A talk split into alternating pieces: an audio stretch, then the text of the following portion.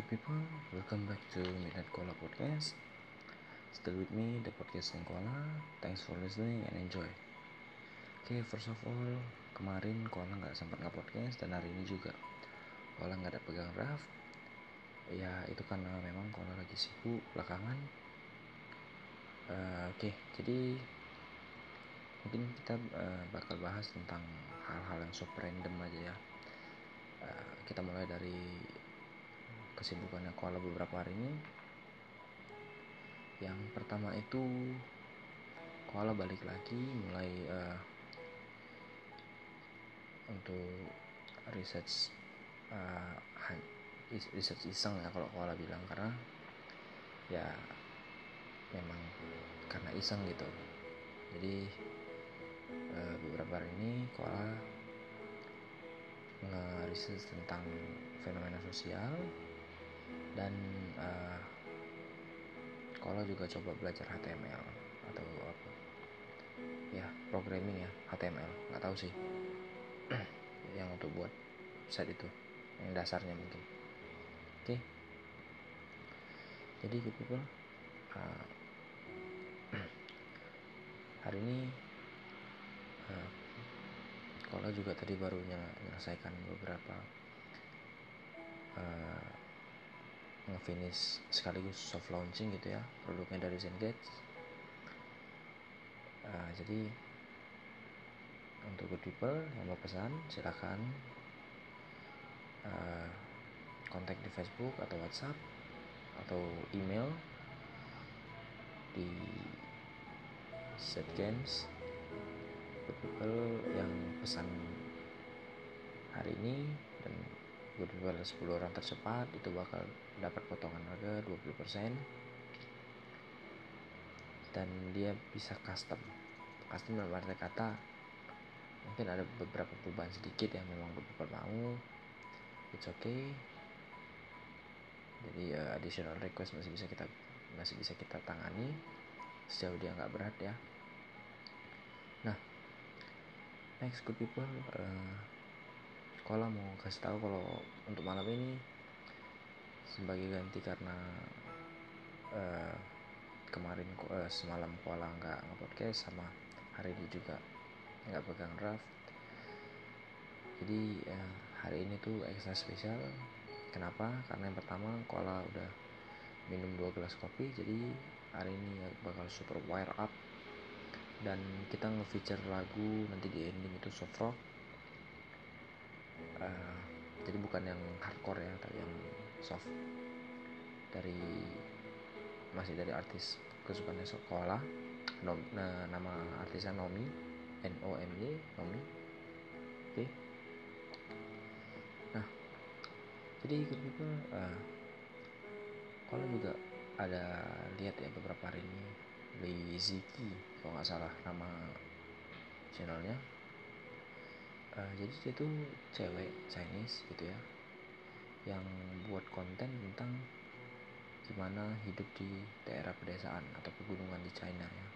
Nah, kalau menurut Koala sih uh, cukup keren, tapi uh, ada ada ada beberapa youtuber dengan sebuah dengan ada beberapa kemiripan gitu yang Koala cek. Yang pertama, uh, ini dari tiga sampel ya. Koala juga tapi Koala lupa nih apa nama channelnya. Tapi ini ada ada similaritiesnya ada kesamaannya. Yang pertama sama-sama perempuan. Oke. Okay. ketiga uh, kedua Chinese. Ketiga mereka tinggal dengan orang tua. Ya, kalau ya orang tua bukan gimana ya kakek nenek gitu deh. Ukurannya ya udah tua belum bertua tuh. Oke itu yang ketiga. Yang keempat mereka ngepromot hidup di daerah pedesaan.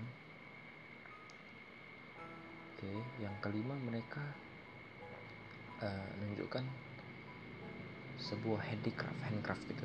Jadi contoh ya mereka buat sebuah bangku gitu dari bambu nah idenya tuh hampir sama semua. Jadi mereka buat kerajinan dari bambu untuk dipakai di rumahnya di pedesaan itu.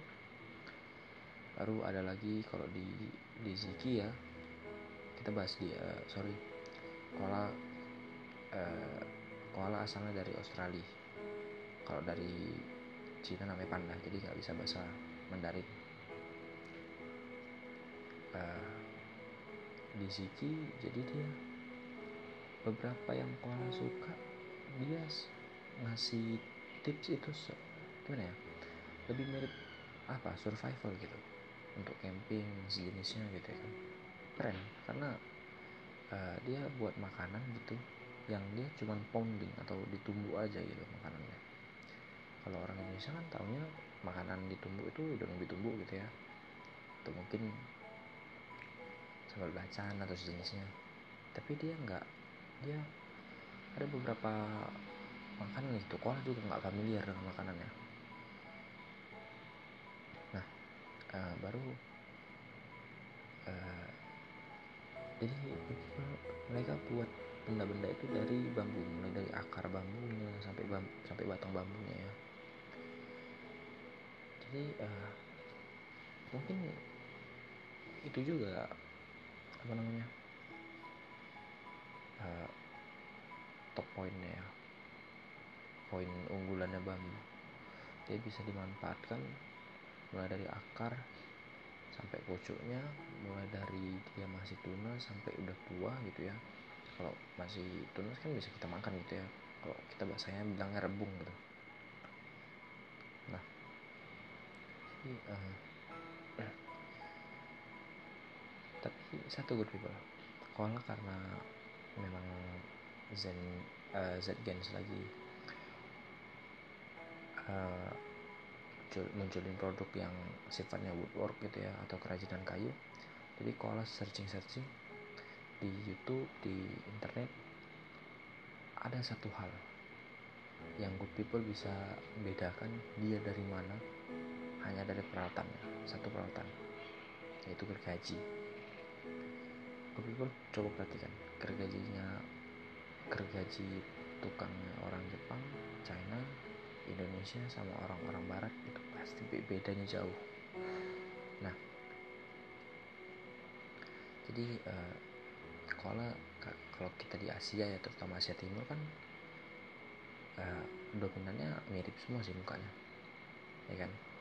Karena pun kita susah bedainya nah tapi kalau uh, kalau kalau ngelihat uh, channel woodworknya gitu ya kalau bingung ini uh, asalnya dari mana? Kalau bakal lihat gergajinya people boleh cek di internet gergajinya beda. Kalau aja kalau aja kadang sering mikir gini itu dia dapat dari mana? gitu. Apa buat sendiri gitu. Tapi ya tetap bagus sih tetap fungsinya juga jalan ya kan next good people uh, kalau juga tadi ada nemu ya beberapa channel-channel di YouTube tentang uh, apa namanya sebenarnya lebih ke topik kita kemarin malam sih ya tentang hasil grandios. Jadi good people grandios itu nggak hanya ke ras aja tapi ada kelompok-kelompok yang memang dia meng menaikkan grandios atau menekankan grandios dalam prinsip mereka. Dan mereka sadar atau nggak sadar mereka bakal menolak. Jadi gini gue uh, eh, entah mereka sadar bahwasannya gerakan itu grandios atau tidak. Eh sorry gerakan mereka itu kan grandios gitu kan. Tapi entah mereka sadar itu grandios. Atau mereka nggak sadar itu grandios. Apa pun ceritanya mereka bakal tetap tolak. Nah yang pertama adalah sebenarnya paling umum ya mereka bakal uh, mengatasnamakan equality atau kesetaraan. Nah gue people di sini uh, kalau mau sharing dikit ya tentang apa yang uh, tentang beberapa hal yang sempat kalau pelajari dari teman-teman dari mentor baru dari uh, ya lah mentor-mentornya sekolah. Jadi ada beberapa di situ kita nggak bisa main asal ceplak gitu aja. Terutama untuk untuk kata kesetaraan ya karena gini good people uh, beberapa pergerakan gitu ya. Ini ini kalau bukan mau mengucilkan pergerakan karena kalau juga aslinya ada pergerakan gitu ya tapi kita harus pahami juga supaya jangan semrawut. Terutama untuk good people yang memang uh, jarang gitu dengar atau kadang nggak ngerti gitu tentang pergerakan-pergerakan aksi-aksi demo-demo dan kadang people malah mikir apa sih? Ngapain sih? gitu ya kan? Atau malah good people malah nggak peduli sama sekali. Nah jadi good people ini udah 2020 kalau rasa good people udah uh, harus mulai open gitu ya tentang realitas tentang what happened tentang uh, fakta dan itu yang kita jadi itu yang seharusnya kita jadikan lifestyle atau gaya hidup kita. Gaya hidup aktual gaya hidup realis dan nyata gitu ya. Ya kalau nggak nggak hmm, larang gue untuk jadi idealis atau delusif atau delusional enggak. Tapi tetap apa pun yang kita kerjakan apa pun yang kita pikirkan uh, faktanya kalau dia nggak bisa direalisasikan nggak realistis ya udah itu hanya sebatas angan aja gitu kan hanya sebatas mimpi. Atau kalau bahasa kasar ngomong kosong gitu kan people nah jadi back ke balik lagi jadi uh, ada beberapa gerakan-gerakan yang dia sifatnya eufemisme, grandios dan malah kadang uh, oportunis oportunis dalam arti kata gini mereka menggunakan alasan pergerakan itu atau mosinya mereka menggunakan mosinya untuk tujuan yang berbeda contoh oke okay. uh, eh, oh sorry kita kalau masuk contoh jauh kali ya. Kita mulai dari awal lagi. Apa bedanya kesetaraan dengan keadilan gitu? Nah ini dua ini dipukul sebenarnya dua elemen yang berbeda. Dan elemen ini nggak pernah bisa di satu tempat yang sama. Kalau dia adil ya kan? Dia udah pasti nggak sama. Nggak sama good people. Dan kalau dia sama berarti dia nggak adil kenapa bisa gitu? Karena gini good people. Kita kasih contoh sama uh, antara arsitek dengan si tukang batu oke? Okay? kalau kita menjunjung yang namanya kesamaan kesetaraan ya kan? Artinya mereka berdua harus sama harus punya uh, peralatan yang sama. Jadi kalau si arsitek punya pena si tukang batu juga harus pakai pena. Kalau si tukang batu pakai uh, palu atau martil si si arsitek juga harus pakai martil gitu kan. Dan itu keadil kenapa? Karena itu bakal menghambat pekerjaan salah satunya. Ya kan? Nah. Adil itu dia bertolak ukur ke berapa persen kebutuhannya dipenuhi dan itu harus dan persentasenya harus sama. Artinya untuk memenuhi persentasenya itu kan kita harus memenuhi kebutuhan yang berbeda dong. Ya enggak nah ya jadi itu yang pertama perbedaan antara uh, kesetaraan dengan keadilan. Oke? Okay? nah di kesetaraan lagi dia uh, ada beberapa pelencengan dari beberapa pergerakan yang belakangan ini hot topic ya. Yang pertama itu ras eh, kalau udah cerita kemarin kalau memang kita mau mempromosikan sebuah kestara atau kesetaraan ataupun keadilan ras ya kan kita bilanglah kesetaraan derajat atas ras gitu kan. Artinya kita nggak berbicara tentang kulit hitam kulit putih enggak karena kalau begitu kita menyebutkan salah satunya artinya kita berusaha untuk menaikkan derajatnya. Bukan menyetarakan kita berusaha menaikkan. Oke itu berlaku juga bagi kaum kaum feminisme. Oke kaum kaum konservatif kaum kaum uh, religius atau agamais. Kalau kita bicara tentang perdamaian keadilan atau kesetaraan derajat itu kita nggak bisa sebut salah satu merek. Kenapa? Karena kalau kita sebut salah satunya artinya kita mempromosikan merek tersebut atau label tersebut ke satu poin di mana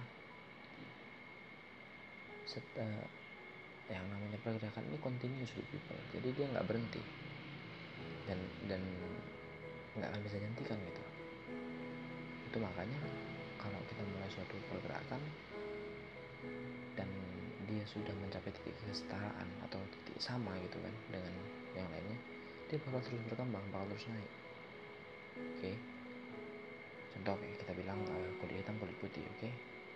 ini kita ambil contoh aja satu nah si kulit hitam merasa si kulit putih itu lebih superior daripada mereka ya kan nah tapi di saat mereka mulai menaikkan derajat kulit hitam setelah sama uh, pergerakannya nggak berhenti.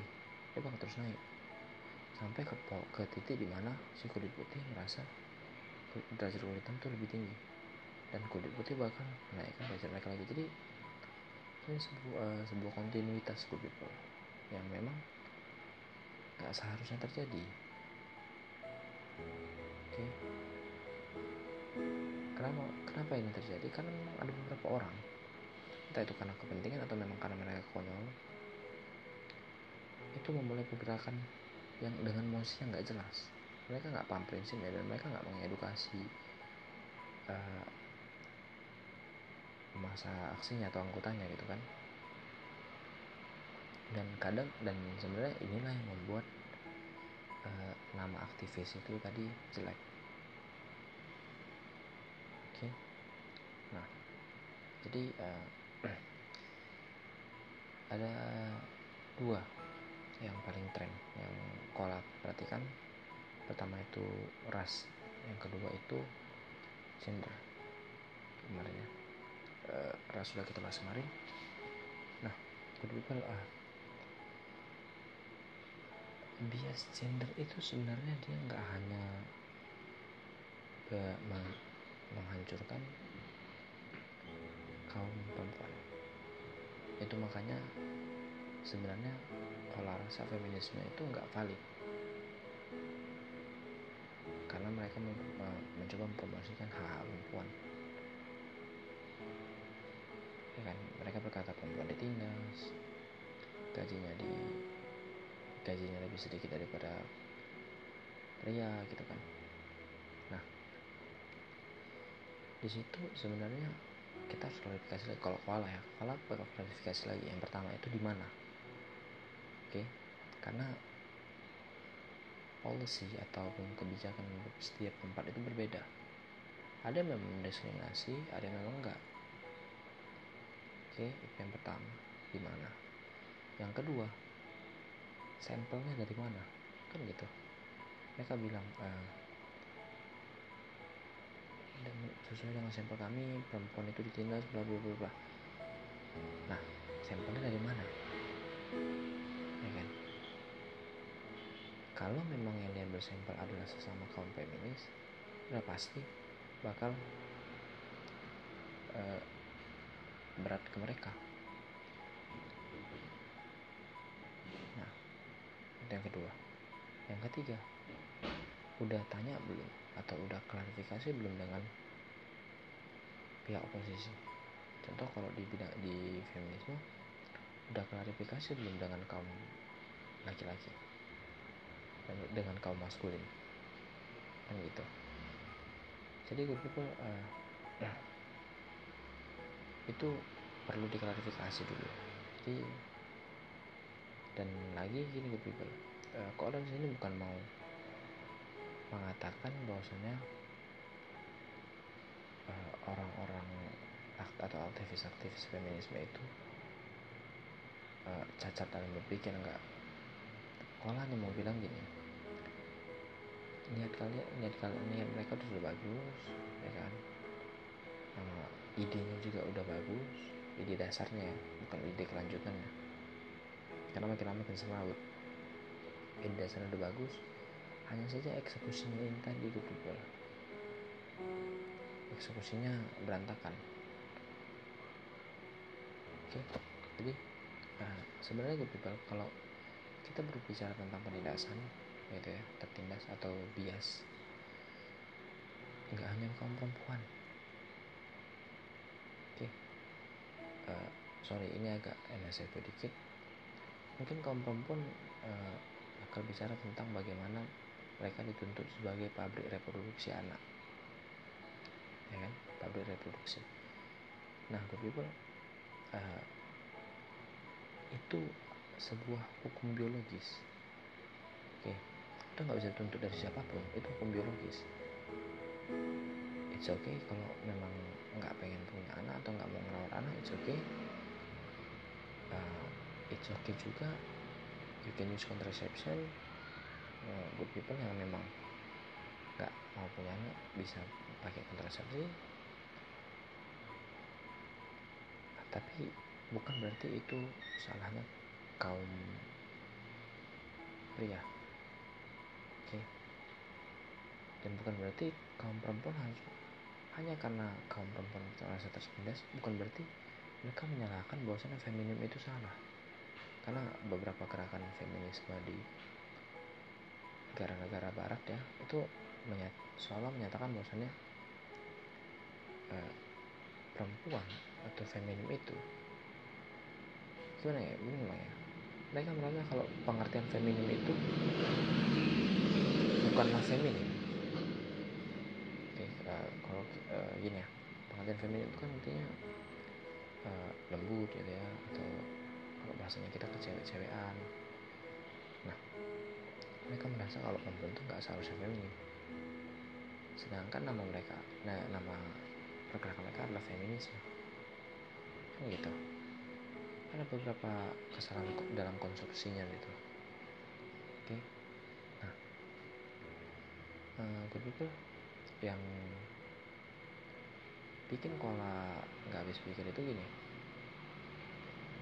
beberapa pergerak uh, beberapa aktivis feminisme di Amerika itu ngerasa kalau yang pertama itu adalah uh, mereka bakal atau apa namanya street, street walk gitu ya. Jadi mereka cuma pakai bra aja jalan-jalan. Karena ngerasa mereka punya hak yang sama untuk melakukan seperti itu di eh, dengan laki-laki gitu. Pertama it's stupid. Itu konyol bodoh. Kenapa mau itu cowok atau cewek? Kalau jalan di depan umum. Topless. Itu konyol. Oke. Karena uh, kalau kola ya beberapa orang-orang kulit hitam terutama di Amerika ya dari yang kola lihat orang-orang kulit hitam yang biasa kayak gitu. Atau orang-orang kulit putih yang memang uh, punya image yang biasa bir apa segala macam gitu ya. Dalam tanda kutip bapak-bapaknya gitu. Jadi Indonesia pun juga gitu sebagian. Tapi tetap kolah ngerasa konyol. Karena gini gitu bro uh, topless depan publik itu gimana kayak harusnya mereka malu kan gitu. Kita nggak bisa tentang aurat atau apa pun di sini. Oke. uh, terlepas apakah mereka bangga atau enggak dengan bentuk badannya. Tapi seharusnya mereka malu kenapa karena ada namanya hukum moral etika yang harusnya mereka ikuti gitu kan. Bahwasannya uh, karena kan itu bagian tubuh yang tidak seharusnya dipertontonkan. Oke? Itu yang kesekian. Next. Aktivis feminis di Amerika itu biasanya bakal coba pakai pakaian yang maskulin. Jadi sebenarnya kurang saya agak bingung apakah mereka mencoba apa yang mereka promosikan apa yang mau mereka perjuangkan gitu? Karena uh, satu kata feminisme itu ya kan definisinya itu bakal beda di setiap grup. Karena gini gue kalau kalau ngomong panjang lebar gini tentang feminisme bakal ada tuh. Kalau juga punya beberapa kawan yang memang bilang dia itu uh, bagian dari uh, aktivis feminisme. Dan kalau kalau bakal pertanyaan seperti ini mereka bakal bilang coba kau pelajari lagi tentang feminisme. Oke. Okay? laporan untuk untuk good people yang mungkin agak kesal tanda kutip dengan apa yang kalau ucapkan ya kalau udah riset kalau udah pelajari kalau udah cek dan realitasnya yang namanya feminisme. Beda kelompok itu beda definisinya beda beda beda poin yang mereka perjuangkan. Itu sama kayak komunisme. Beda tempat beda imamnya gitu. Beda beda pimpinannya beda beda juga apanya eksekusinya.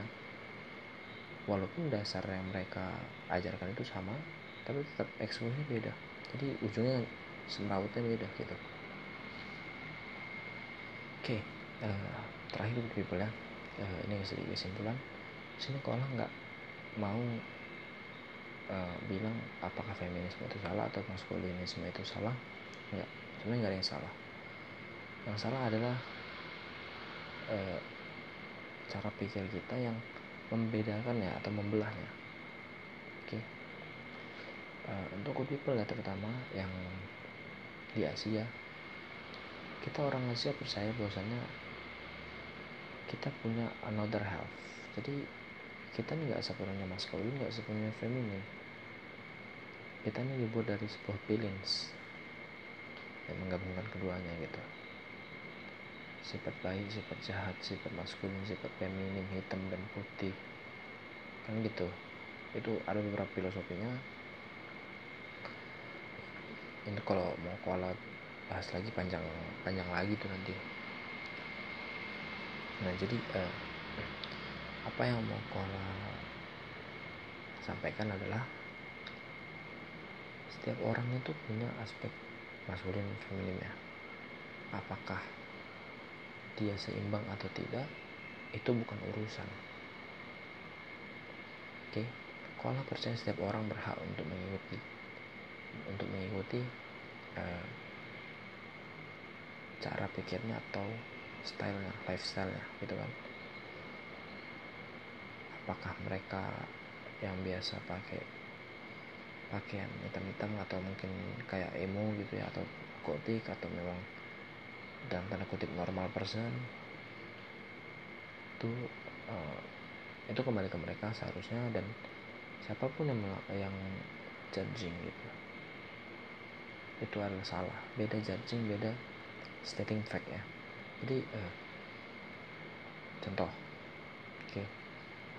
uh, koala nih ngomong sama teman atau ngomong sama orang langsung. Baju sama itu baju. Atau mungkin itu make up sama bentuk mukamu. Itu nggak masuk gitu. Nggak klop. Nah itu namanya stating fact. Kalau memang benar. Oke. okay. Tapi kalau bilang is apa sih make upnya aneh? Itu namanya judging. Oke. Okay. karena dia nggak menunjukkan masalahnya di mana. Oke. Okay. nggak menunjukkan masalah di mana cuman stating aja aneh gitu. Anehnya di mana? Ya lu kan nggak ngasih solutif jadi ya nggak nggak ada nggak ada problem nggak nggak jelas problemnya apa.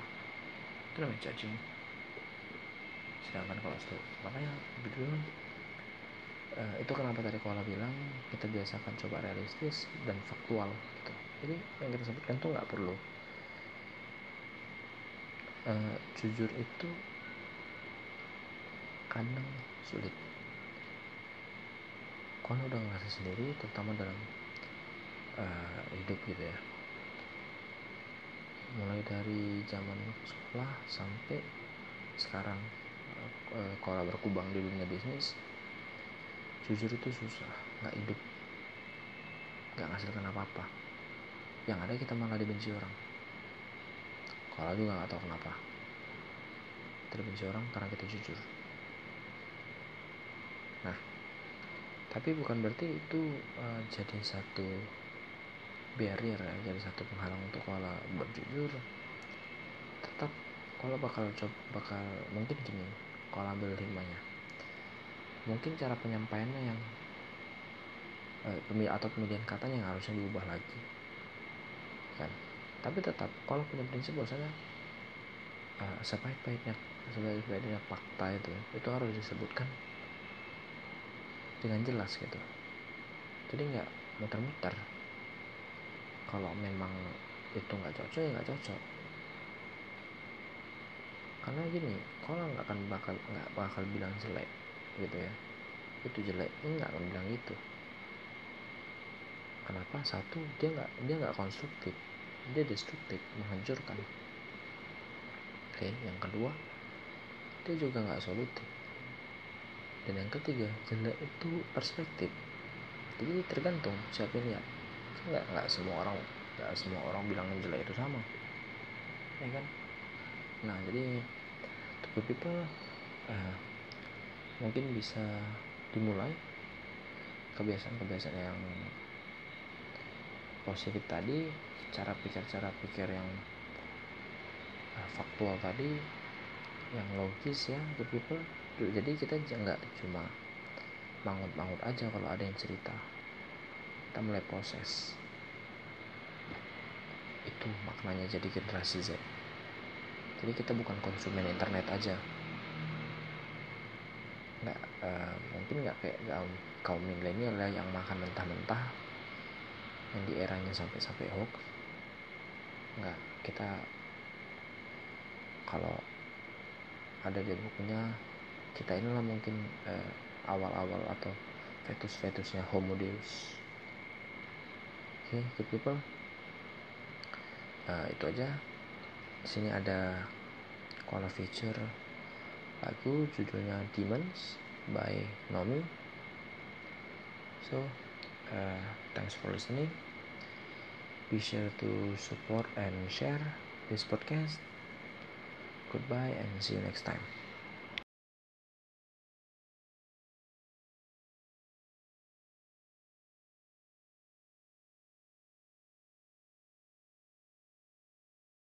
I don't get it. anymore.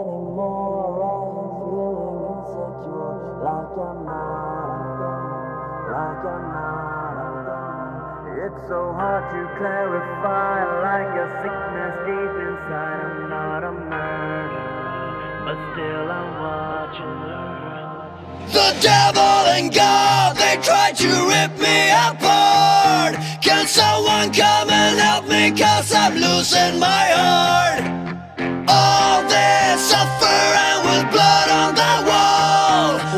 Can't control my actions, God, I'm losing it all.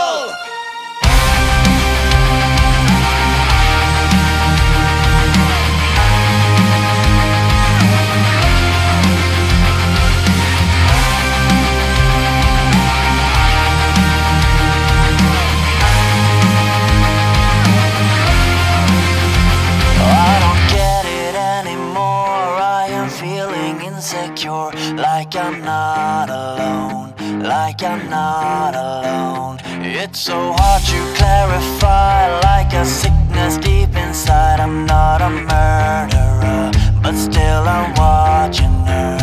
Why see faces in the wall, I hear something from the door, and my senses.